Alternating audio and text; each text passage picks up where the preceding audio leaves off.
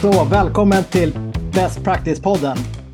En podd som vill inspirera till bättre person, grupp och ledarutveckling.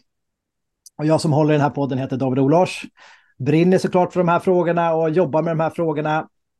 Och idag har jag eh, den stora äran att ha en eh, gammal vän och inspiratör till mig, Stefan Söderfjell.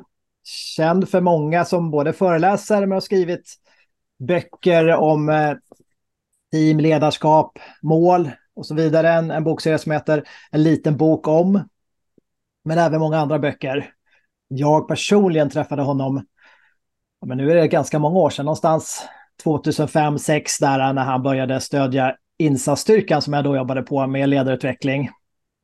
Och när jag först hörde talas om honom så, så befann sig insatsstyrkan i en liten ledarkris Eh, eller vi letar efter liksom, hur, hur ser det bästa ledarskapet ut? Hur ska vi liksom få verktyg att skapa det? Och då kom våra chefer tillbaka och väldigt nöjda så att ja, men nu har vi hittat en person som verkligen kommer att hjälpa oss. Så, så jag fick äran att gå ett längre program med Stefan och sedan dess har vi haft kontakten. Eh, så nu är jag ju väldigt glad att ha dig här Stefan. Varmt välkommen! Tack! Jädra vad roligt att få vara med. Och det börjar vara snart 20-årsjubileum. Verkligen. Jag, jag, tog mig friheten att introducera lite grann. Missar jag någonting viktigt om, om vem du är? Eh, men det stämmer väl ganska bra. Eh, alltså jag har, eh, jag har ju vikt mitt yrkesverksamma liv åt att eh, försöka jobba med de här frågorna och föra ut de här frågorna. Och jag har en forskarbakgrund så att det har ju alltid funnits som en röd tråd i, mm. i mitt sätt att jobba, att använda mig utifrån eh, ja, men teorier och modeller och verktyg som har en forsk forskningsgrund. Men att inte helt förlita mig på det utan att också försöka använda eh, den erfarenhet och den kunskap som jag möter, eh, inte minst under åren när jag jobbade åt NI. Mm. Ehm, därför att jag tror att det, det, är föreningen av de här två världarna som gör, eh, gör det bästa eh, utfallet. Och jag lärde ju mig fantastiskt mycket under de här åren då vi mm. lärde känna varandra. Det var ju Ja, det är ju den bästa konsultutbildning man någonsin har, kan få möjlighet att gå. Att få ett sådant uppdrag som var så där vi hade egentligen fria tyglar att jobba eh, under nästan obegränsad tid. För vi hade ju liksom inget kursprogram på de här utbildningarna vi höll mm. åt er, utan vi körde igång och sen körde vi, höll vi på ett par år där och så mm. slutade vi när vi kände att ja, men nu har vi väl kört tillräckligt länge. Och, och det fanns ju en sån enorm öppenhet och experimentlust och, och villighet att utsätta sig för Ja, men alla, jag menar, alla tänkbara galna pedagogiska experiment som vi, som vi testar liksom. Mm. Eh, som, eh, som jag idag kan blicka tillbaka och säga att ja, men många saker av det som jag gjorde då, det är det som jag är allra, allra stoltast över under hela min konsultgärning. Som mm. jag tyvärr under, under de senare åren har lite grann tappat taget eh, om. Men, eh, men det var fan, fantastiskt, eh, eh, ett fantastiskt samarbete mm. med, eh, med NI under de här åren. Ja, vi pratade lite om det innan också, att, att eh, en, vi hade ganska mycket övningar där det gick väldigt djupt. Alltså ja. bottna i våra värderingar och skrev begravningstal till oss själva och, och liksom den typen av lite djupare reflektion om vad man, vem man är och vad man vill bli. Som jag, jag har tagit med mig efteråt och kvar och men också inspirerat mig jättemycket hur jag själv håller i, håller i träningar för företag. Jag tycker ofta att det är de som, eh, som folk tar med sig mest av. Där det går lite djupare. Ja, men jag, jag tror att um, jag, jag, håller med dig. Vi hade ju väldigt mycket sådana. Och, och eh, ganska så här, liksom djupa existentiella frågor. Vad är meningen med alltihop? Och, och ja. vad händer när jag dör? Och vem kommer sörja mig? Och, och vad, kom, vad önskar jag att de kommer säga? Och, ja. och sånt här har ju sen dykt upp de senaste åren i modern psykoterapi. Så jobbar man ju mycket med den typen av eh, frågeställningar för att bottna i vad som är det viktigaste för en. Så vi var väl någonting på spåren där liksom. Men jag själv tappade taget eh, efter ah. att jag hade jobbat med er så tappade jag taget i de här eh, existentiella frågorna eh, när jag jobbade med ledare och grupputveckling och blev mycket mer instrumentell och mekanisk och jobbade mm. mycket mer med renodlad färdighetsträning. Eh, och jag tror att en anledning var att jag blev lite, jag blev lite försiktig och lite bränd för att när, när jag förde över de här ja, men ganska svåra frågeställningarna till andra grupper än eh, insatspoliserna och lät folk få börja reflektera kring de här så märkte jag att det, man kanske inte var fullt lika öppen för att reflektera kring de här frågorna. Eh, och då blev jag lite försiktig och backade undan och, och höll mig under ganska många år på ett lite ytligare plan kan man säga. Och jag tror ju fortfarande att eh, ytliga beteenden är extremt viktiga att nöta in när vi ska bli mm. duktiga ledare eller medarbetare. Vissa saker behöver vi nöta in. Vi behöver ja scenarioträna, vi behöver få drilla, få feedback, få, få testa att göra saker på olika sätt. Andra saker är jädra svåra att nöta in. Eh, det, det, är svårt att nöta in en djup insikt om eh, vad jag fyller för funktion i det stora hela och eh, vad som gör livet eftersträvansvärt och värt att leva för mig och vad som är mina allra viktigaste värderingar och ideal. Mm. Och, och, den typen av frågor som vi alla förstår påverkar oss i allt vi gör till vardags. Om vi inte bereds tid till att adressera och bottna i de frågorna i, ett, i en trygg, säker miljö eh, så, så är ju risken att vi, att vi liksom aldrig får en möjlighet att eh, riktigt landa i det där. Det, det gör mm. man väl kanske aldrig ändå helt och hållet, men, men jag tror att eh, vi har i vårt moderna samhälle tagit bort lite för mycket eh, tid och utrymme till att eh, få brottas med livets stora frågor. Tidigare fyllde ju kyrkan kanske mm. i viss mån den funktionen. Eh, men, eh, men idag så, eh, så ska allting gå väldigt snabbt och det ska finnas enkla eh, instrumentella metoder för allting. Och jag tror att den typen av frågeställningar finns det inga enkla genvägar utan det handlar om att i en trygg, lugn, säker miljö få sitta ner tillsammans med kloka människor och vrida och vända på de här frågorna.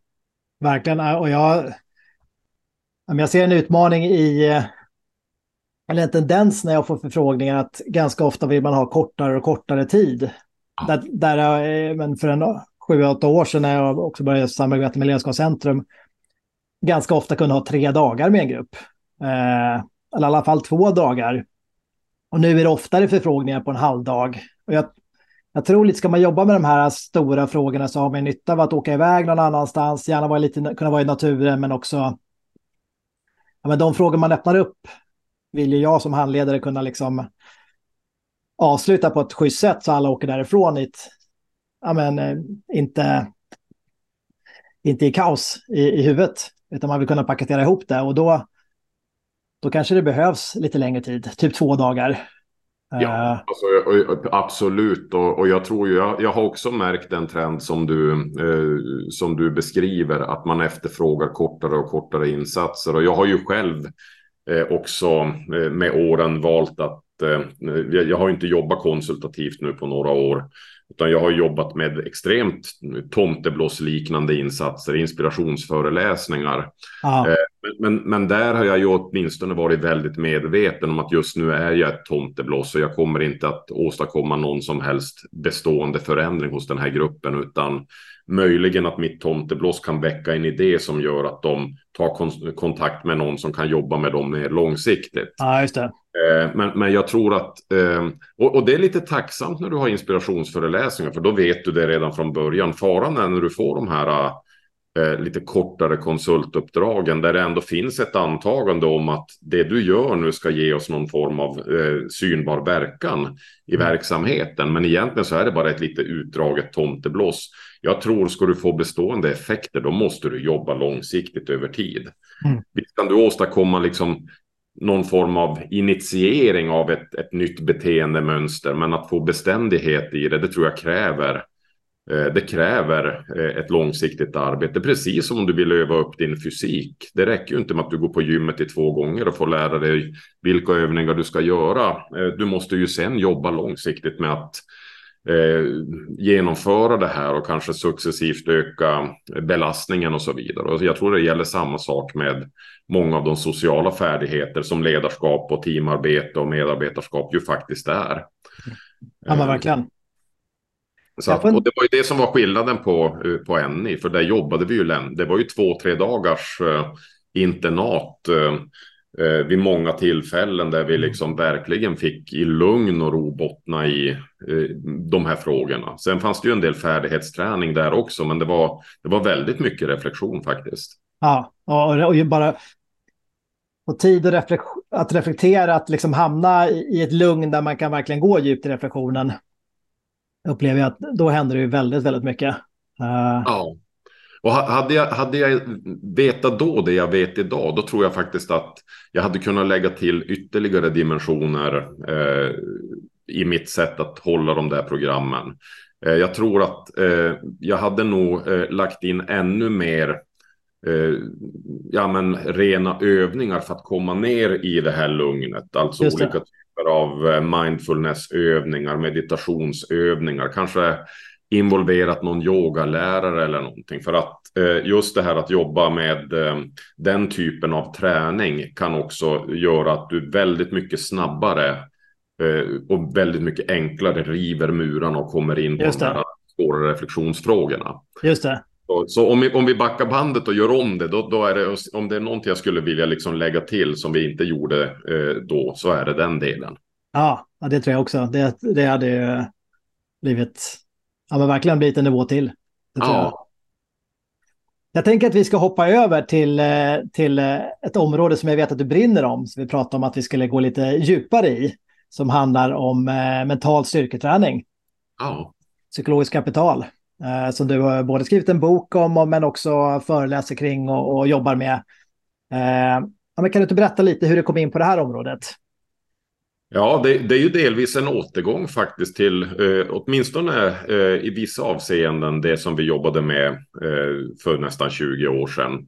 Men, men anledningen till att jag kom in på det eh, var eh, Dels var det väl någon allmän tröttnad liksom. När man har gjort någonting väldigt länge så är, jag har alltid varit rätt nyfiken och vill hitta nya, nya mm. infallsvinklar och nya pedagogiker och nya teorier att försöka nå ut med och så vidare. Men men jag tror att i det här fallet så var det mycket sprunget ur eh, en egen liten svacka i livet eh, som eh, orsakades av många olika faktorer. Liksom någon allmän sån här humörnedgång av att konstatera att ja, men vad fan, livet går här och jag blir äldre och, och kroppen svarar inte på samma sätt längre.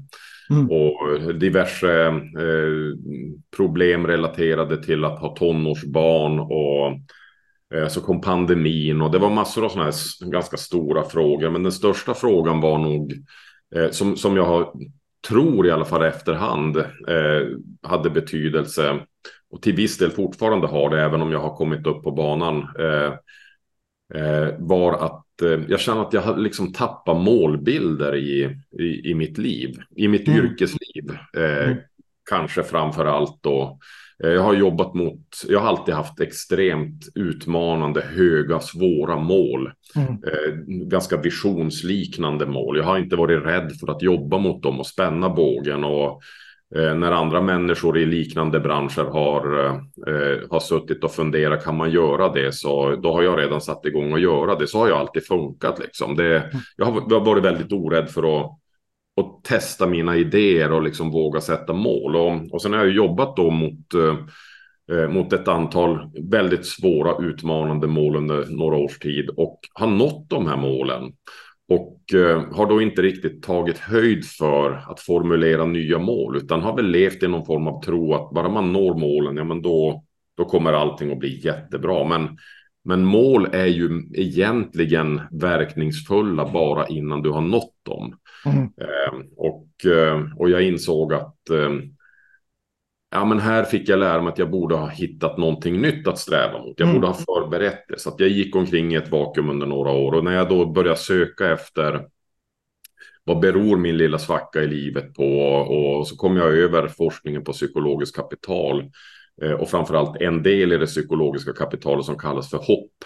Ja. Som just handlar om det här med att känna att man har en, en meningsfull färdriktning i sitt liv. Mm. Där man är på väg mot någonting som verkligen griper tag i en och känns tilltalande. Alternativt mm. att man vill ur ett jobbigt tillstånd mot mm. någonting bättre.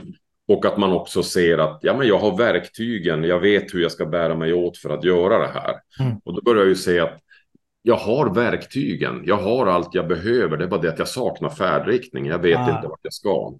Så, eh, så när jag började liksom läsa om det här och kände att eh, ja, men jag får nog börja fundera på på vart jag vill. Eh, och, då, och då snöade jag in på det här med psykologiskt kapital och kände det här är ju fantastiskt. Varför har jag inte grottat ner i det här tidigare?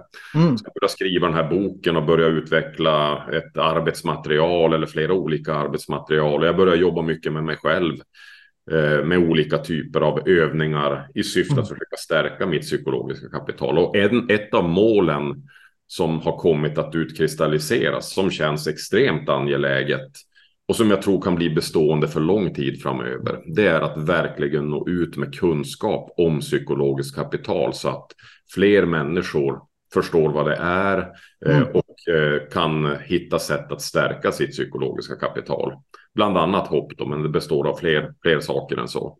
Mm. Det är så många olika delar jag skulle vilja fråga det här, men jag, jag får bara backa tillbaka här när, när du sa att eh, ja, men du hade uppnått de här djärva målen du hade satt. Eh, och då får jag liksom en minnesbild av de här första tillfällena för en dryga 20 år sedan när vi sågs. Och det jag vet många tog med sig att, att ni var väldigt bra på att lära ut, och, vi, och någonting som insatsstyrkan tog med, och då är att fira framgångar. Vilket vi mm. nästan liksom, länge som hade hunnit med att göra det. Så det var en sån viktig vändpunkt. Ja, men det är klart vi måste fira framgångar som jag också är på många med. Eh, så då blir jag lite nyfiken om du, hur, hur det var i ditt liv. Om du kunde liksom fira de här framgångarna? Jag har varit, nej, bra att du ställer den frågan. Eh, nu när jag tänker på den så mitt spontana svar är nog att nej, men det har jag nog inte varit. Jag har nog inte varit så bra att stanna upp och verkligen njuta av vad jag har åstadkommit. Och, ehm, eh, jag kan komma på mig själv ibland när jag sitter med min kollega eh, och vi, eh, ja, men vi fastnar i någonting och, och kanske hamnar i lite så allmänt gubbgnäll som man kan göra ibland. Mm. Eh, då, då, kan jag ibland komma på mig, men vänta nu, vad fan, eh, tänk på vad vi har, vad vi har skapat. Vi mm. har gjort det här, vi ska vara glada, vi ska vara stolt över det vi har gjort liksom. Mm. Och då slår, kommer det över mig eh, att eh, eh, det är många, många, många års väldigt, väldigt hårt arbete, intensivt arbete med risktagande och utmaningar och perioder av mm. eh, sömnlöshet som har gjort att vi har lyckats nå de här målen. Vi måste tillåta oss att glädjas åt det. Ja. Faktiskt. Eh, men, men jag, jag, när jag tänker tillbaka så det är inte så att jag har medvetet liksom flikat in eh, firanden. Utan eh, eh, jag, jag har nog liksom hela tiden eh, bara jobbat vidare framåt. Ja. ja, men det är väl mänskligt, det kan jag känna igen också. Det, det krävs nästan att man bestämmer sig för att fira en framgång för att det ska bli av liksom, och ha en plan för det. Annars ja. är det så lätt att det glöms bort, upplever jag. Jag, jag. jag har inte haft problem att fira överlag, men det har kanske Nej. inte varit kopplat till eh, specifika åstadkommanden i, i yrkesliv, liksom, utan eh, eh, jag har haft lätt liksom att, att fira eller, eller unna mig eh, unna mig saker, unna mig semester eller unna mig god mat eh, och så vidare.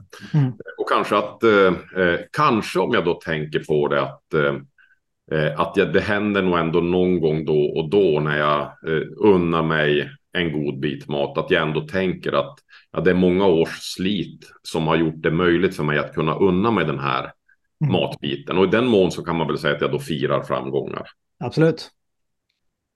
Ja, men ska vi gå tillbaka till psyk eh, psykologiskt kapital och eh, ja, men jag är lite nyfiken på dels hur du definierar det och, och vad det innehåller. Ja, eh, kapital eh, avser ju då tillgångar eller resurser. Eh, och tillgångar och resurser kan ju vara av olika slag. Det kan ju vara monetärt eller materiellt. Mm. Eh, sånt som vi har på bankkontot eller fastigheter, bilar, stereoapparater och så vidare. Det är ju en form av kapital. Eh, och ju mer vi har av den typen av kapital, desto lättare har vi att lösa den typ av problem som man löser med den typen av kapital. Vi kan betala för oss, köpa den mat vi vill köpa, åka på semester, eh, köpa kläder och så vidare. Mm. Sen har vi något som kallas för socialt kapital som handlar om tillgången till goda relationer, kort och gott. Ömsesidigt goda relationer där det finns ett, ett, eh, en gemensam vilja, intention från bägge parter att vilja vara kvar i relationen och, och göra gott i relationen. Och sen har vi det psykologiska kapitalet. Det kan finnas andra former också, men det psykologiska tillgångarna eller kapitalet, det är ju då eh, de mentala resurser. Jag beskriver det i boken som mental styrka, men, men det är ett, en omskrivning av psykologiskt kapital. Eh, mentala resurser som på olika sätt underlättar för oss i tillvaron, som gör oss mer motståndskraftiga mot svårigheter, som gör att vi kan hantera stress, som gör att vi presterar bättre, lär bättre, eh, eh, har bättre möjligheter att bevara goda relationer och så vidare. Mm. Och det som, som särskiljer eh, psykologiskt, eh, eller rättare sagt det som är ett kriterie för att någonting ska få beskrivas som psykologiskt kapital är att det ska vara någorlunda möjligt att påverka. Mm. Eh, vi har ju mentala resurser som har betydelse för hur vi lyckas i livet, hur mycket vi lär oss, presterar, eh, hur hälsosamma vi håller oss, till och med vår livslängd. Intelligens är ett sådant exempel. Men intelligensen föds vi med och går i graven med och det är extremt på marginalen vilken möjlighet vi har att med medvetna ansträngningar påverka våran grundintelligens. Mm. Och således så kvalificerar den sig inte i samlingsbegreppet psykologiskt kapital, utan där placeras bara de mentala resurser som har betydelse för oss, men som vi också har mer möjlighet att påverka. Och de är till dags dato så har man identifierat fyra sådana eh, egenskaper. Mm. Och vilka fyra? fyra är det? det är hopp som, eh, eh, som vi då var inne på, eh, som handlar om eh, eh, någon form av medvetenhet kring vart här man önskar sig i livet. Det kan ju mm. vara i privatlivet, i livet i stort, i sin yrkeskarriär, eh, idrottsliv. Vi, vi, kan ju ha olika mängd hopp i olika, eh, mm. olika delar av livet. Men att man har en ganska tydlig medvetenhet kring eh, vart är jag, vad är det jag på riktigt vill? Inte sånt som andra tycker att jag borde eller samhällets krav och förväntningar, utan vad känns viktigt och meningsfullt för mig? Mm. Eh, och en, en klar medvetenhet om vägen dit. Att jag förstår vad är det jag mm. behöver göra för att kunna förverkliga den här målbilden. Och kanske också, det, det handlar inte om någon sån här äh, dumdristig positivitet här, utan det handlar lika mycket om att också ha en medvetenhet kring vilka problem kommer jag sannolikt möta på vägen? För det gör mm. vi ju alltid när vi formulerar målbilder och att i förväg kanske ja, men förbereda sig och ta höjd för hur ska jag hantera de här olika problemen. Mm. Det i sig är en jätteviktig del i hopp att, att, att förstå att jag kommer möta problem, men jag vet redan nu hur jag ska hantera många av de här problemen. Mm. Så det är den ena. Den andra är egen förmåga eller så som vi oftast beskriver det här i Sverige, självförtroende. Och det är mer knutet till specifika prestationer. Hur mycket jag tror på min förmåga att prestera tillfredsställande väl på de specifika uppgifter och problem som jag möter i olika arenor av mitt liv. Inom mm. mitt yrkesliv, i min privat eh, situation, när jag ägnar mig åt min fritidssysselsättning och så vidare. Och ju högre egen förmåga, desto starkare tro har vi om att jag kommer lyckas utföra de prestationer som behövs för att det ska bli ett lyckosamt utfall här. Mm. Eh, och den är ju jätteviktig för vår motivation och för att vi ska våga exponera oss för situationer som gör att vi lär oss och utvecklas. När vi tvivlar på våran förmåga, då, då, då håller vi oss under, eh, under radarn så att säga. Så att vi, mm. vi försätter oss inte i situationer där vi riskerar att misslyckas. Men det gör också att vi inte heller lär oss. För att ska vi lära oss så måste vi kliva lite grann utanför gränserna för vad vi klarar av. Mm. Så därför så har vi generellt sett en, en lite, en lite dopat självförtroende eller dopad egen förmåga. Eh, det vill säga vi skönmålar vår färdighet lite grann och det är någonting som är väldigt bra. Eh, men det är ju viktigt naturligtvis att den faktiska färdigheten också då följer med successivt. Eh, så att vi inte har ett jätteglapp mellan vad vi tror att vi kan och, och vad vi faktiskt kan. Utan de, det ska vara ganska likt, men mm. vi får gärna skönmåla lite grann. Lite överkant där. Exakt. Eh, och den tredje det är då resiliens eller, eller återhämtningsförmåga. Eh, och den, eh, den kan ju avse då förmågan att kunna hantera och ta sig åter efter både vardagens eh, slitningar, stressorer man möter i vardagen, eh, hinder, svårigheter, problem man möter i vardagen.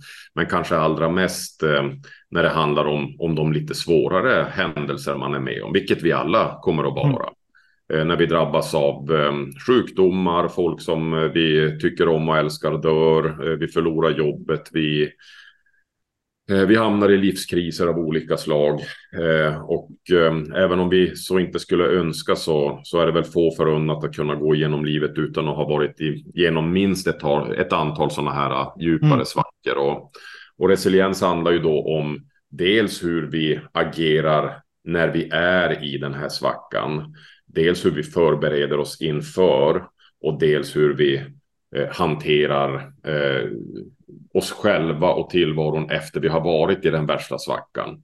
Och målet med resiliens, eller kvittot på resiliens, det är ju att vi kommer åter i samma goda skick mentalt och fysiskt, eller till och med i en bättre version av oss själva. Det brukar mm. kallas för posttraumatisk tillväxt. Mm. Att vi helt enkelt växer eh, av krisen vi har varit i. Och den sista eh, komponenten, den går under namnet optimism och eh, eh den eh, den är väl det mest tveeggade svärdet i det här för att eh, det finns en lite sån här populär eh, tolkning av optimism som som inte alls är densamma som den optimism som förordas när vi pratar om psykologiskt kapital. Och det är den här positivt tänkande eh, tolkningen. Att eh, du blir vad du tänker, allt är möjligt med tankens kraft. Du kan bli mm. vad du vill om du bara tror tillräckligt mycket på det. Mm. Eh, det är inte alls vad eh, en sund optimism handlar om, utan en sund optimism den handlar mer om att, eh, att se verkligheten för vad den är, att inte blunda för det ofrånkomliga, att, mm. att ta på sig ansvar för saker när man har gjort fel, att att göra en nykter bedömning av potentiella riskfaktorer och så vidare. Men i flödet av händelser som vi är med om i livet, att, att kunna faktiskt se det som också är bra och positivt i det. Mm. Så att man inte liksom slukas av bara det som är negativt. Eh, därför att det dränerar vår energi. Det är jobbigt det. att vara i det negativa. Det gör att vi liksom har någon form av eh, kamp och flykt. Eh, tillstånd eh, som, som kräver mer av oss. Mm. Eh, så att vi behöver kunna se glädjeämnen och plocka de här små russinen ur kakan utan att för den skull blunda för kakan. Och, eh, och det, det främsta, eh, främsta ska säga, uttryckssättet för optimism det är hur vi resonerar kring och, och tänker kring de, de olika typer av motgångar vi möter i livet. Mm. Där man ser att optimister är sådana som har lätt för att, att vara optimistiska. De tenderar att, eh, att inte börja skuldbelägga och trycka ner sig själv för att man är med om en motgång. Utan de håller upp sig själv och säger att men nästa gång kan det gå lite bättre. Och, och eh, det, det, var inte jag som var dålig utan eh, jag valde fel strategi här bara. Eller jag fick dåliga förutsättningar här. Så att man, man trycker liksom inte ner sig själv. Plus att man, man ser de här motgångarna som eh, någorlunda tillfälliga. Att ja, okej, okay, mm. men det går inte bra alla gånger. Idag var en, en sån dag, men, men eh, det har ju gått bra tidigare och nästa gång kan det gå bra igen. Mm. Medan pessimisten gör det omvända. Den, eh, den lägger det på sig själv och ser att det här kommer alltid att vara så här. Mm. Eh, och det här kan man till viss del då eh, öva upp. Att eh, ta sig an eh, motgångar och och tänka i mer, eh, ja men konstruera mer positiva optimistiska tankemönster kring, kring de här motgångarna. Ja, det låter ju sjukt sunt. De här, och, det, och eh, förkortningen av de där orden blir då hero. Eh. Ja, exakt. Eh, så som i hjälten. Och det var ju inte, det var inte eh, så få som höjde på ögonbrynen när jag eh, for ut och föreläste om hjälten inom dig. Det var nog många som tänkte att nu har han blivit en sån här uh, väckelsepredikant som ska sprida sitt evangelium om att allt är möjligt med tankens kraft. Men, men det har inte alls med det att göra, utan alla som känner mig vet ju att eh, eh, jag är liksom ingen, jag är ingen optimistkonsult. Nej, och de som känner dig vet du också att, att du brukar ha en, en förankring i eh, forskning och metastudier. Jag kommer ihåg eh, första gången jag hörde dig föreläsa så, så blev jag imponerad hur du kunde hänvisa till många olika studier. Det var liksom inte en studie eh, också, som du hänvisade till, utan det, det var ju ofta många.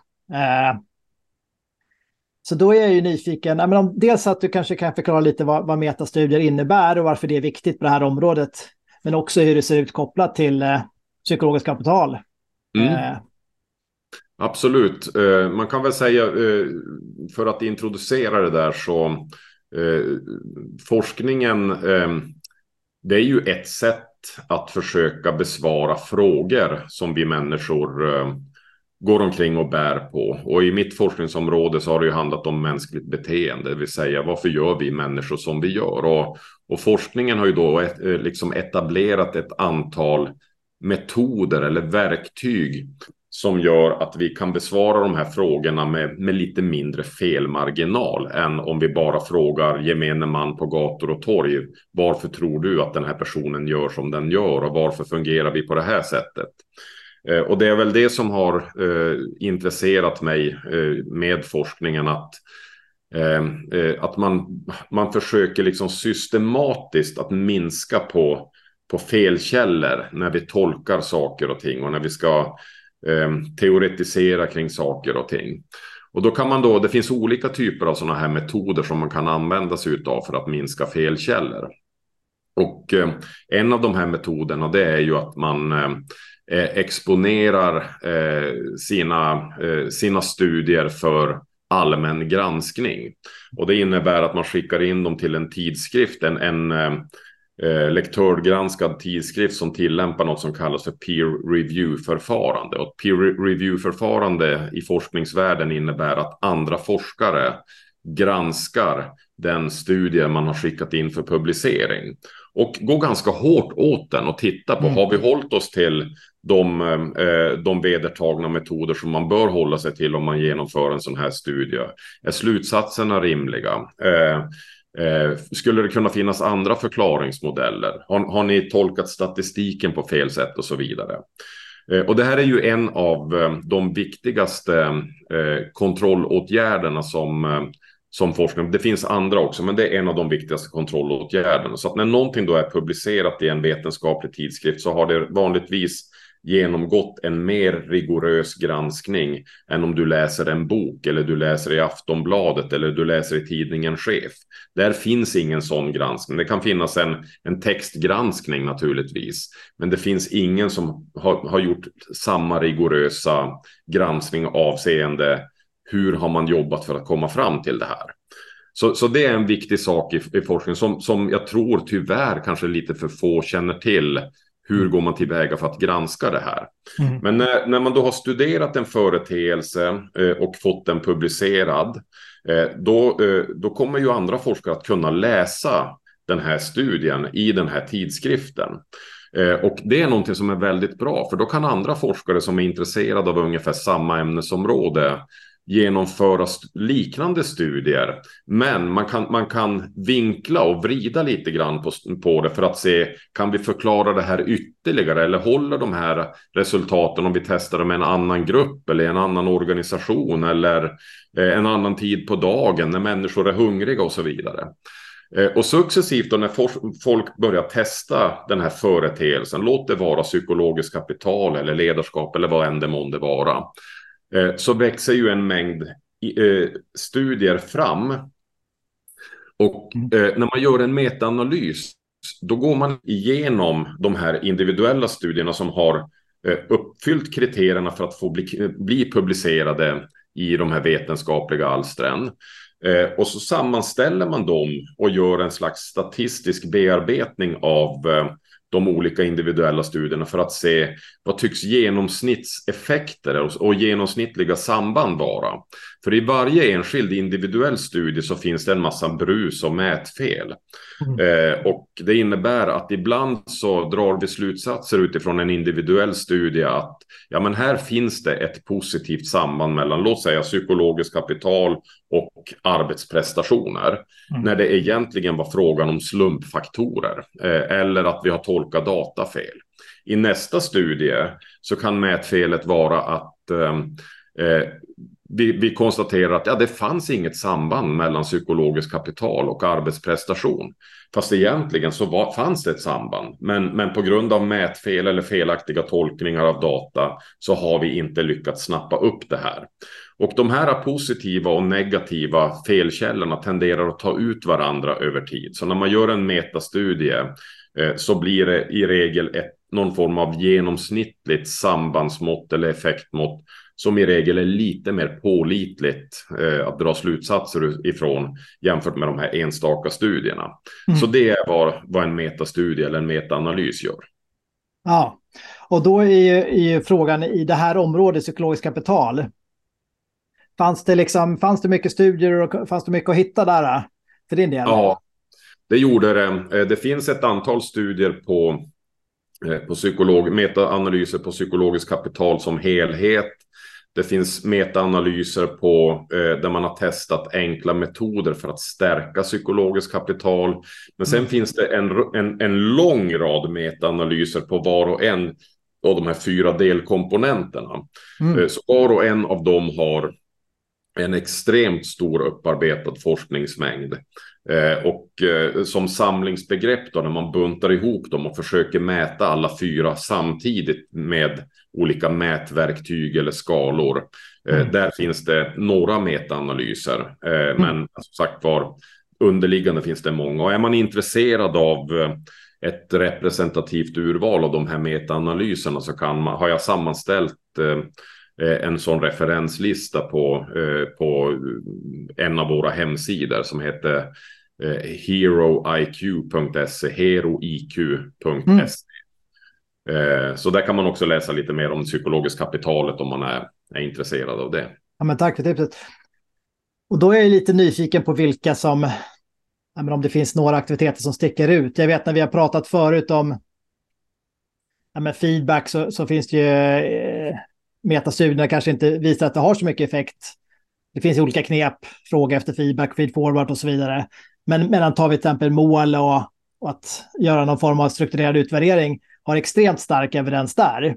Mm. Eh, så då är, om vi då går tillbaka till mental styrketräning, finns det något område som sticker ut som liksom har extra stort resultat då, om man, om man eh, tränar det? Eh, ja, men det, det, det, finns nog kanske egentligen flera stycken. Vi skulle ju kunna stanna lite grann kring det här med mål. Eh, för att mm. jobba med mål är ju ett sätt att stärka sitt hopp. Och, och forskningen på mål är ju extremt omfattande. Och sen finns det Eh, sen finns det specifika eh, metoder för att jobba med mål eh, som är direkt liksom kopplade till det här med hopp eh, mm. som har visat väldigt god effekt. Eh, en av de eh, metoderna heter Mental Contrasting with Implementation Intentions. Och det är ett sånt krångligt akademiska så ingen kommer att komma ihåg det. Men populärt brukar det kallas för WOOP, W-O-O-P. Mm. och det är ett, ett slags men en visualiseringsteknik kan man säga, där man eh, visualiserar någonting som man skulle vilja uppnå eh, mm. i någon del av sitt liv under en, en eh, ja, men bestämd tidsperiod. Mm. Eh, och sen eh, så eh, nästa steg är att man försöker föreställa sig och visualisera vad vore det absolut bästa för mig om det här målet blev uppfyllt. Alltså att man försöker verkligen härleda de viktigaste värdena och eh, konsekvenserna av att, att uppnå det här målet. Och därefter så, eh, så föreställer man sig vilka olika hinder kommer jag att möta sannolikt på vägen som kommer att försvåra för mig för att kunna nå det här målet och få uppleva de här positiva konsekvenserna. Eh, och så väljer man ut de mest sannolika hindren. Det kan vara hinder som ligger hos en själv. Att ja, men min motivation kanske kommer att tryta och jag kommer att bli förkyld någon dag och eh, jag kommer att vara tvungen att hämta sjuka barn på dagis och, och jag kanske eh, ja, men det, det, kan vara massor av saker och sen kan det vara yttre omständigheter som kan ställa till problem. Och så, och så listar man några sådana och så gör man planer, så, så kallade om så-planer. Mm. Om det här hindret inträffar, ja då eller så kan jag göra det här. Mm. Om jag vill förhindra att det här hindret ska inträffa så kan jag göra så här för att förebygga det. Och så gör man sådana om så-planer och så, och så återigen då så visualiserar du hur olika hinder inträffar och hur du genomför den här planen för att hindret ska inte inträffa eller hur du agerar när hindret väl inträffar. Eh, och, eh, och that's it, det är en whoop. Och den enkla metodiken har då, eh, har då utsatts för jättemycket forskning och visat sig vara ett enkelt sätt att faktiskt förbättra måluppfyllelse. Den finns presenterad i en bok som heter Rethinking Positive Thinking av Gabriel Oettingen som är eh, den kanske ledande forskaren på, på det här området som jag varmt kan rekommendera. Ja, men tack för tipset. Ja, men det har jag inte hört det där. Jag, jag jobbade med en gruppchefsgrupp här för några dagar sedan där vi gjorde en övning där, vi, där deltagarna fick intervjua varandra kring önskeläget två år fram i tiden på arbetsplatsen. Eh, då fick de också visualisera hur det skulle vara, vad som hade hänt, men också vilka ska säga, vägen dit och, och vilka utmaningar skulle stöta på. sig. snarlikt som det du beskriver, men kanske på ett mer utforskande sätt. Men, eh, men också kraftfullt och liksom... Jag tycker det är spännande också när man gör sådana övningar hur mycket tjänster som kommer upp och hur det kan kännas på riktigt. Uh... Absolut. Ja, men vi, mål har ofta blivit en sån här högt upp i skallen exercis där vi blir väldigt rationella, instrumentella. Ja. Vi för ner det i ett Excel-dokument och tilldelar procentsatser. Och jag, jag, tycker mål måste nå ner i magen. Vi måste få liksom ja. känna vad är det som vad växer i oss när vi tänker på ett mål. Eh, för att annars tycker jag det blir mer. Eh, det, för mig är det inte ett, ett genuint mål förrän jag känner att jag genuint vill jobba för det här målet och jag förstår på vilket sätt det här målet är viktigt för mig. Då blir det, då blir det ord som ja. någon kanske tycker att vi borde uppnå, men de betyder egentligen ingenting för mig. Ja. Eh, och, och, och, den är viktig kopplat till hopp, liksom, att, att jag själv känner ett eget personligt engagemang för att förverkliga den här, eh, den här eh, målbilden. Där skiljer sig möjligen mål från, från hopp så tillvida att mål eh, i sig kräver egentligen inte att du känner den här personliga hängivenheten, utan du kan få ett mål tilldelat dig. Mm. Eh, och det kommer att påverka dina prestationer om det är så att du förstår någonstans att ja, men min chef har ju bestämt att vi ska göra det här. Mm. Men för att någonting ska bli hopp, då måste du också känna en personlig angelägenhet kring det. Eh, och det tycker jag, jag tycker att det härligare att prata om hoppen och prata om mål faktiskt, även om de i mångt och mycket är överlappande. Ja, men jag håller helt med. Jag tycker hopp, det kan man nästan känna i, en arbetsgrupp eh, eller en grupp överlag som, som man kommer in i om det finns eller inte. Det blir liksom... Ja. Jag, jag, ibland brukar jag beskriva hopp som, som att den består av två ingredienser. Någon form av målbild, men också en tro på vår eh, förmåga att ta sig dit. Ja, Uh, så att det, liksom, den delen måste till också. För att, det, för att det ska väcka hopp. Och ska du kunna tro uh, så måste du ju ha en idé om hur vägen ser ut. Ja. Uh, för, för ser du inte hur vägen ser ut, då kan du inte, då, då blir det mer, då kan du fortfarande tro att ja, det kommer nog att visa sig, det kommer nog att lösa sig. Ja. Då, då, är vi inne mer och sneglar mot optimism, att det är något som är mer allmän, liksom, att ja, men det brukar lösa sig. Ja. Men, men för att det ska vara hopp, då behöver du se hur ja. vägen dit faktiskt ska se ut. Den behöver vara lika klar och tydlig, om inte än tydligare än målet i sig. Ja, just det. Ehm, så att, ehm, så att den är jätteviktig. Jag ska säga, eh, det finns, det finns många saker, det finns massivt med forskning bakom. Eh, en sak som man kanske inte tänker på, som, som jag vet att eh, ni på Practice ehm, brinner ju mycket för det här med liksom övning och färdighetsträning och, mm. och är väldigt duktiga på det. Och vi tänker ju ofta det, på det som ett sätt att öva upp färdigheter för att kunna prestera bättre i, i olika relevanta situationer. Men, mm. men det är ju samtidigt ett extremt effektivt sätt att bygga psykologiskt kapital på. Mm. Eh, därför att eh, framförallt om vi tänker egen förmåga Ja, det handlar ju om min tro på min egen förmåga att kunna prestera mm. när jag behöver prestera.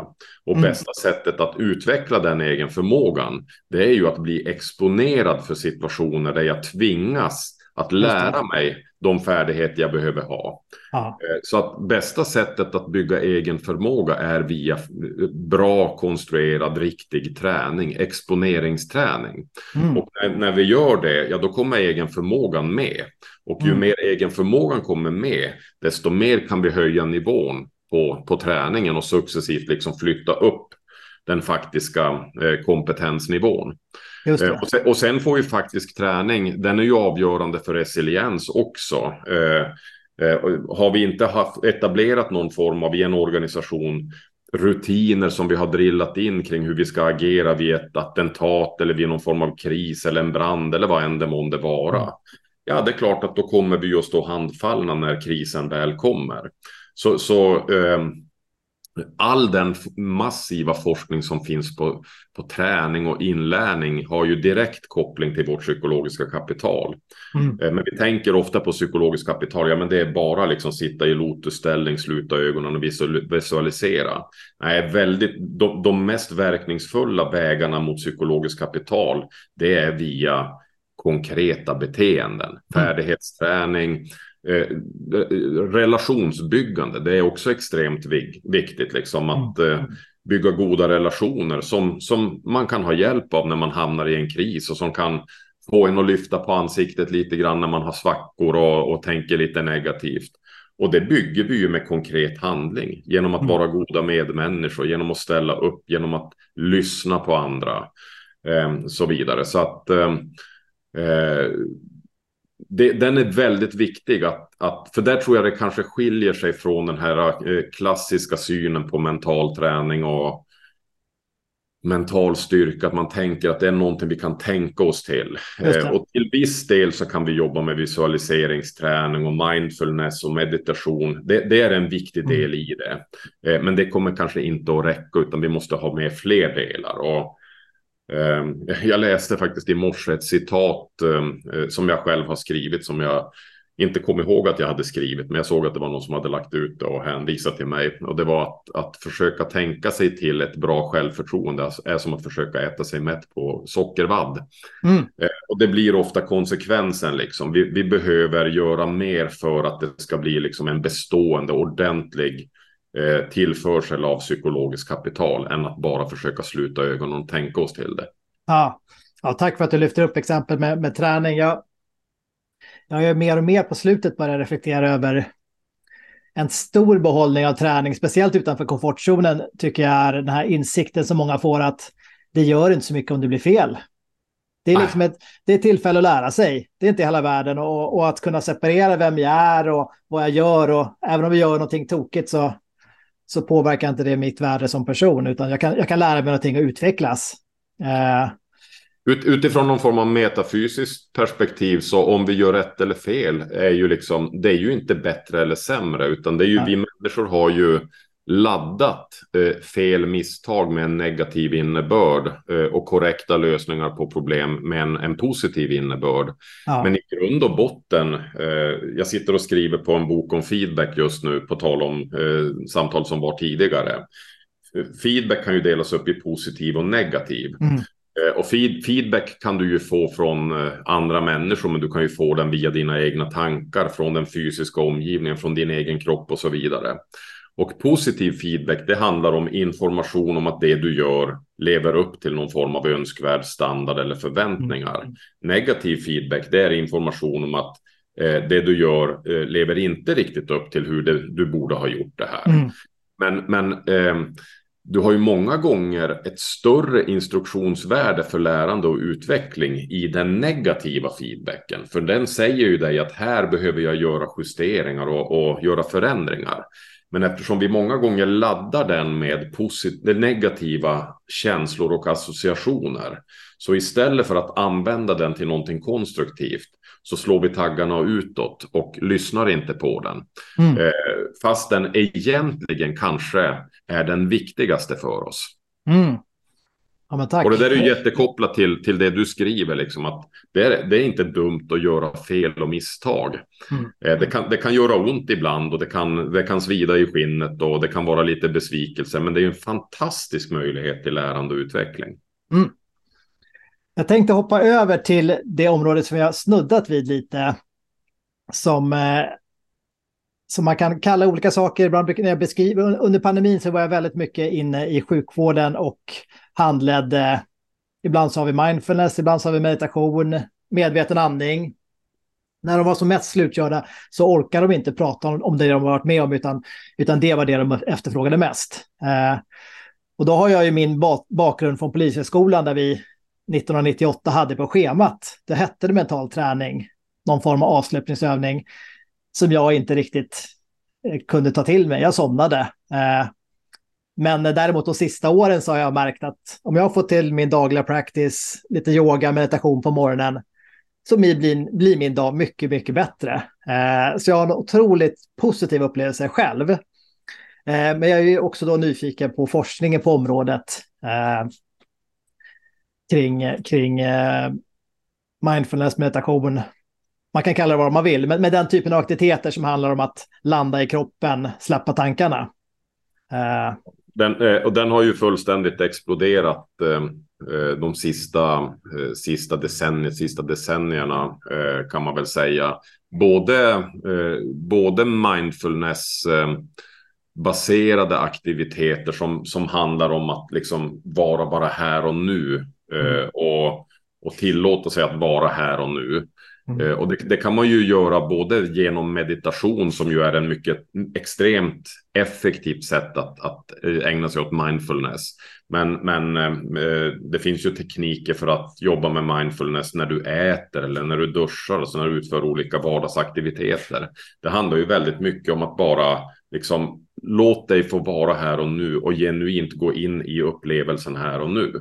Mm. Eh, och ehm, eh, mindfulness har ju kommit att bli eh, en, en bärande del i modern, många moderna psykoterapier. I tredje vågens KBT så har mindfulness kommit att bli en, en viktig del eh, i mm. det kan man säga. Och det finns numera väldigt mycket forskning som visar på de gynnsamma, hälsosamma, positiva effekterna utav det. Mm. Eh, så det, det, det, kan man med gott fog säga att det är, eh, det är evidensbaserat. Sen som med allting annat så finns det säkerligen avarter och negativa effekter också. Det finns det med allt liksom. Men generellt ja. överlag så tycks effekterna vara goda. Sen finns det sånt som då kanske handlar lite mer om kroppslig avslappning. Mm. Eh, som det också finns en massa forskning på. Eh, till exempel andningstekniker. Mm. Eh, vilka, vilka finns mängder till antalet olika mm. sätt att, att styra och reglera medvetet sin andning. För mm. att, för att liksom slappna av. Så att eh, det som då på 90-talet kanske fortfarande var lite hokus pokus eller upplevdes som hokus pokus kan man idag med gott fog säga att nej, men det, det bör man ägna sig åt. Mm. Och sen har vi då eh, det som är liksom någon form av hybrid eh, mellan fysisk träning och mindfulness avslappning. Det är ju det som du nämnde med yoga eller tai chi, eh, qigong. Det som kallas för mind-body eh, baserad eh, träning. Mm. Eh, och när man tittar på, eh, när man sammanställer forskning på metoder vars syfte är att öka vårt psykiska välbefinnande eller lycka om man så väljer att kalla det, men, men någon form av mentalt välbefinnande. Och så tittar man på de inbördes effekterna av olika tillvägagångssätt för att påverka sitt eget välbefinnande. Så tycks om något mind-body-baserade aktiviteter vara de som har enskilt störst effekt. Det kom en gigantisk sån här forskningssammanställning relativt nyligen där man fann att om du ägnar dig åt yoga eller tai chi eller qigong eh, så, så är det det som har enskilt störst effekt. Sen, sen är det ju såklart, man ska ju hitta den form som man trivs i och mår bra i och alla, det passar inte alla, men men eh, det du gör på månaderna, det tycker du ska fortsätta göra om du tycker om det. Jag gör likadant sedan en tid tillbaka och känner också att jag mår otroligt bra av det. Mm. Ja, men tack för info. Jag, jag senaste åren har jag även börjat lägga in eh, någon form av mindfulness-övning innan feedback-övningar. Jag läste någon studie som visade att människor tenderade att mer kunna liksom observera den feedback de, de fick och ta den eh, på ett bättre sätt. Om man, om man inleder med någon form av eh, mindfulness meditationsövning. Vad intressant. Jag tycker, och jag har märkt att jag tycker de funkar bättre när man gör det. Uh, både positiv och utvecklande. Är, eh, jag har inte läst den eller sett den studien, men det låter, det låter väldigt rimligt. För jag tänker att eh, eh, positiv feedback är ju oftast ganska lätt att ta till sig. Människor går sällan i försvar när man får positiv feedback. Eh, däremot så, eh, så kan ju vissa människor tycka att det känns, ja men inte var väl jag bra liksom. Om den positiva feedbacken ehm, eh, inte rimmar med ens egen självuppfattning och självkänsla mm. så, så kan vi ha lite svårt att ta oss till oss den. Men vanligtvis så är det ju negativ feedback som får oss att gå i försvar eller börja söka ursäkter. Och, eh, och jag tror verkligen att när vi ska exponera oss för någonting som, eh, som kan väcka känslor så om vi har någon form av förberedelseritual där vi liksom tillåter oss att landa eh, så självklart borde det mm. kunna göra oss mer mottagliga. Mm. Och det låter väldigt sunt faktiskt. Ja, men det är väl också nervsystemet. Man hamnar, man hamnar på, de flesta upplever att de hamnar på, på en bättre plats och liksom mer i kroppen. Ja. Eh, och då blir det lättare också att ge, ge liksom mer från hjärtat. Eh, jag tänkte hoppa vidare till en eh, fråga som kräver en liten utläggning. Eh, som handlar liksom om hur man applicerar det här eh, olika teorier i verkligheten. Där min eh, övertygelse är att det handlar mycket om att ta ansvar och kanske skapa vardag, vanor i vardagen. Eh, och ta ansvar är inte så lätt. Det är så mycket som eh, händer. Eh, en, en, metafor för livet tycker jag är eh, att åka ut eh, och köra bil. Och man kan fundera på om man sitter på förarsätet eller om man sitter där bak. Om man krockar, om det är någon annans fel eller om jag kan ta ansvar för det själv och liksom lära mig utvecklas. Väl medveten om att man kan inte påverka allt. Man kan inte påverka hur vägen ser ut eller om det svänger. Men jag kan påverka hur jag ska svänga och, och växla.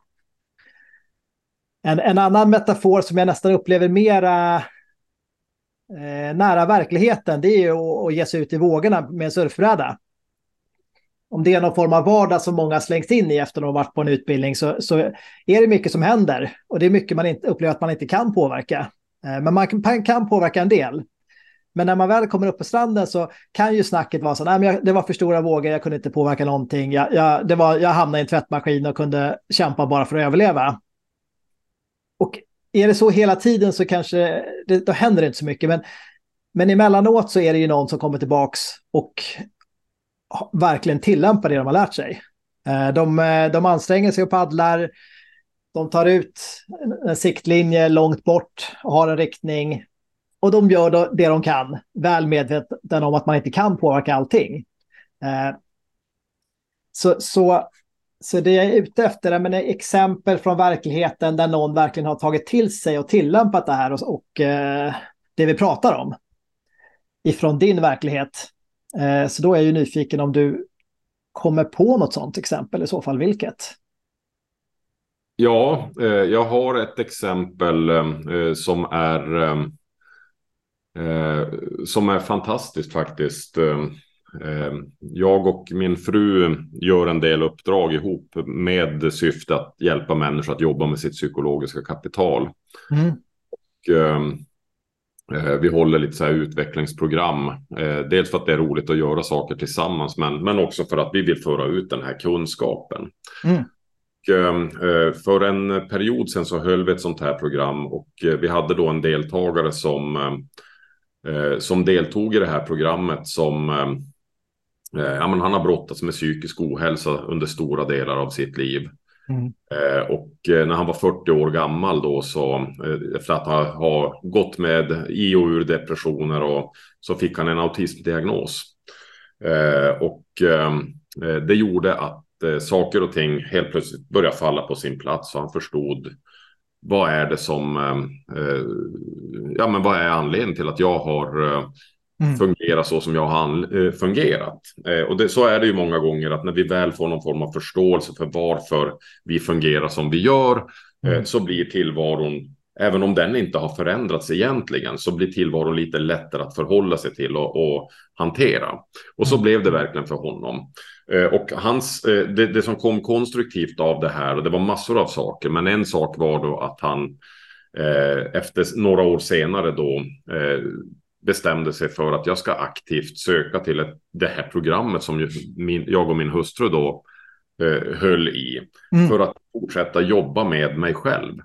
Och eh, när du har en, eh, en autismdiagnos eh, så, en sak som då är, är, kan vara utmanande och jobbig, det är förändring, oväntad plötslig förändring. Mm. Och det vet ju du David när man håller ett utvecklingsprogram, det är att det är ju sällan man håller sig till schemat, utan det dyker ju upp saker som gör att nej, vi får senare lägga lunchen eller vi struntar i den här övningen som vi nu hade tänkt eller det kommer en fråga man inte hade förberett så att eh, helt plötsligt så får vi bara stryka en del från, eh, från eftermiddagens aktiviteter och grotta ner i den här frågan istället.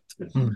Eh, och ehm, eh, när han då hörde av sig eh, inför det här programmet eh, så så pratade vi om liksom förväntningar kring det här programmet och så sa jag det att det jag, för, jag, förstår att det kan vara utmanande, liksom, mm. så det, det, är någonting som du såklart får vara förberedd på. Eh, och, ehm, eh, och det var ju också en anledning till att han ville utsätta mm. sig för det. Han ville liksom exponera sig. Ja, modigt. Otroligt modigt. Och han gick all in kan jag säga under de här. Ja. Vi hade fyra, fyra dagar tillsammans fördelat på två stycken internat.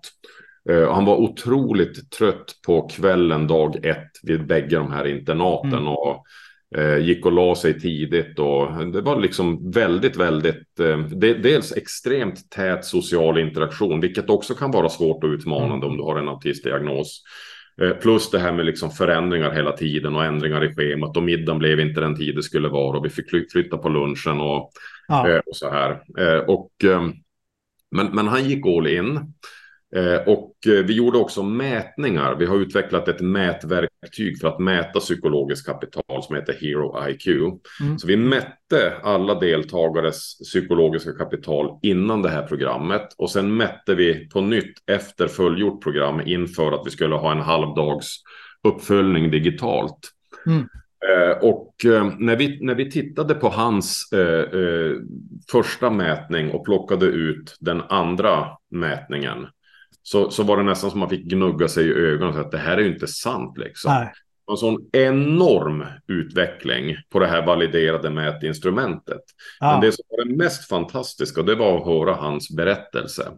För han hade då kommit till sin, till sin arbetsplats, han jobbar på ett, ett, ett stort it-företag och berättat eh, om att han gick den här eh, utbildningen, eller gick det här programmet, det är ingen utbildning egentligen, det är mer ett utvecklingsprogram. Mm.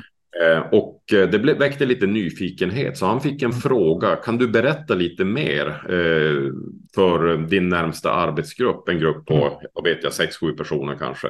Mm. Så han fick då hålla en liten föreläsning för dem. Och att föreläsa för någon som har haft och har den typen av utmaningar, det är en ganska svår utmanande mm. aktivitet.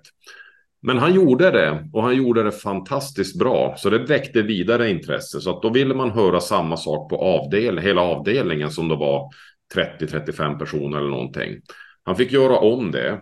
Mm. Eh, och det här har bara växt. Så nu börjar han mer eller mindre vara någon form av inhouse psykologisk kapitalguru i hela mm. företaget.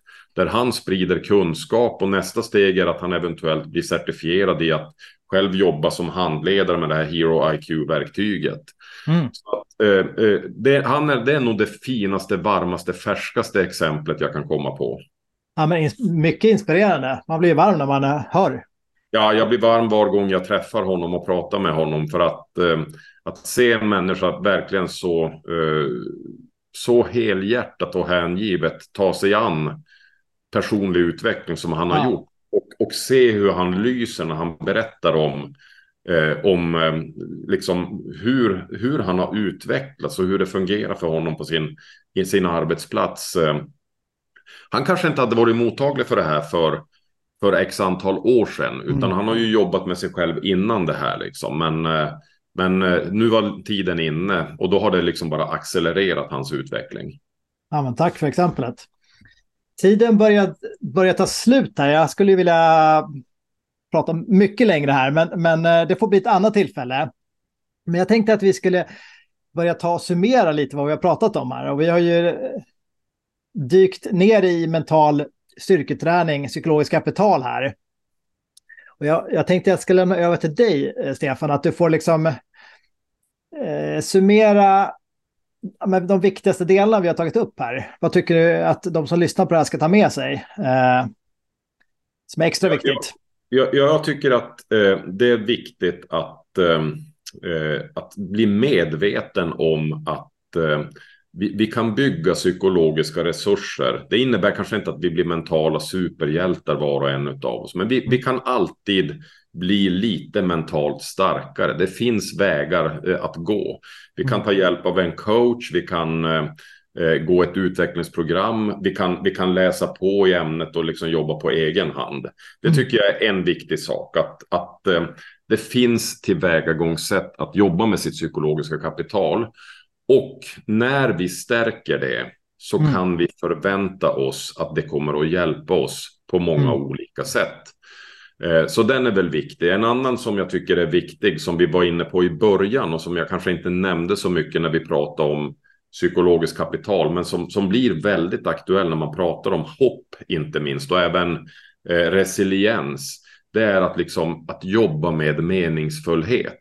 Mm. Att, att verkligen tillåta sig att reflektera kring eh, vem man är i livet och vad livet i stort sett betyder och vilken betydelse man själv har i det stora hela och vad som gör livet meningsfullt och, och värt att leva och så vidare.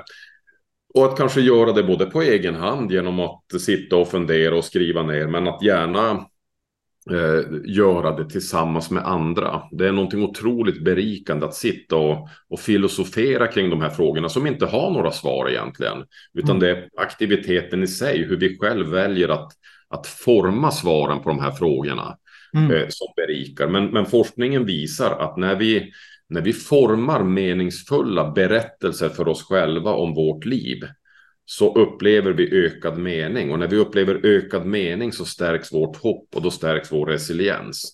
Mm. Och jag läste så sent som igår faktiskt en ny publikation, en, en kontrollerad studie där man har testat en metodik för att låta människor skriva ner en, en berättelse utifrån en, eh, en storytelling-teknik som är baserad på något som kallas för Heroes Journey. Som är liksom den här traditionella berättelsen som har återspeglats i filmer och, eh, och, och sagor och, och böcker om eh, hur man följer liksom en, en hjälte som är ute på en resa med någon form av mål och möter olika typer av motståndare och problem och hamnar i tvivel och vakuum men, men eh, lyckas hantera dem i slutändan och genom att personen på något vis transformerar sig själv och får nya insikter. Mm. Eh, och eh, när man låter folk få skriva ner eh, en egen sån här heroes journey där man själv är i första person Eh, så eh, fann man i den här studien att det eh, skapade en upplevelse av meningsfullhet under den här perioden när man skrev och, tiden strax därefter. Mm. och, det, och det är egentligen bara ett konkret exempel på att det är värdefullt att prata om Eh, vilken är min livsresa? Vart har jag varit? Vart är jag på väg? Vad är det som är meningsfullt på mig? Vilka hinder har jag mött? Vilka kommer jag möta? Varför gör jag allt det här? Vad, är, vad betyder det egentligen? Och kanske tillåta sig att hoppa ur det här äckliga ekorrhjulet som vi alla springer lite för fort i. Där det på något vis har blivit viktigast att, att få flest like på sociala medier och där TikTok och Instagram och, och Facebook har blivit viktigare än den person vi har framför oss. Mm. Tack för summeringen. Jag tar med mig mycket från det här samtalet, förutom eh, någon form av allmän inspiration av att prata med dig. Så eh, om jag ska ta några axplock så, så den metoden du beskrev med, som handlar om att visuella, visualisera framtid och, och se möjliga hinder och liksom planer för dem som ett, som ett effektivt verktyg. Eh, också vilket stöd eh, mindfulness-inspirerade övningar och body mind-övningar. Vilken effekt det har tar jag också med mig. Men också sista exemplet som du berättar här på den här personen som med stort mod gått in i ditt program och, och hänt mycket. Eh, eh, häftigt exempel. Så väldigt glad över att du eh, var gäst idag här, Stefan. Stort tack! tack själv, David. Som alltid ett nöje.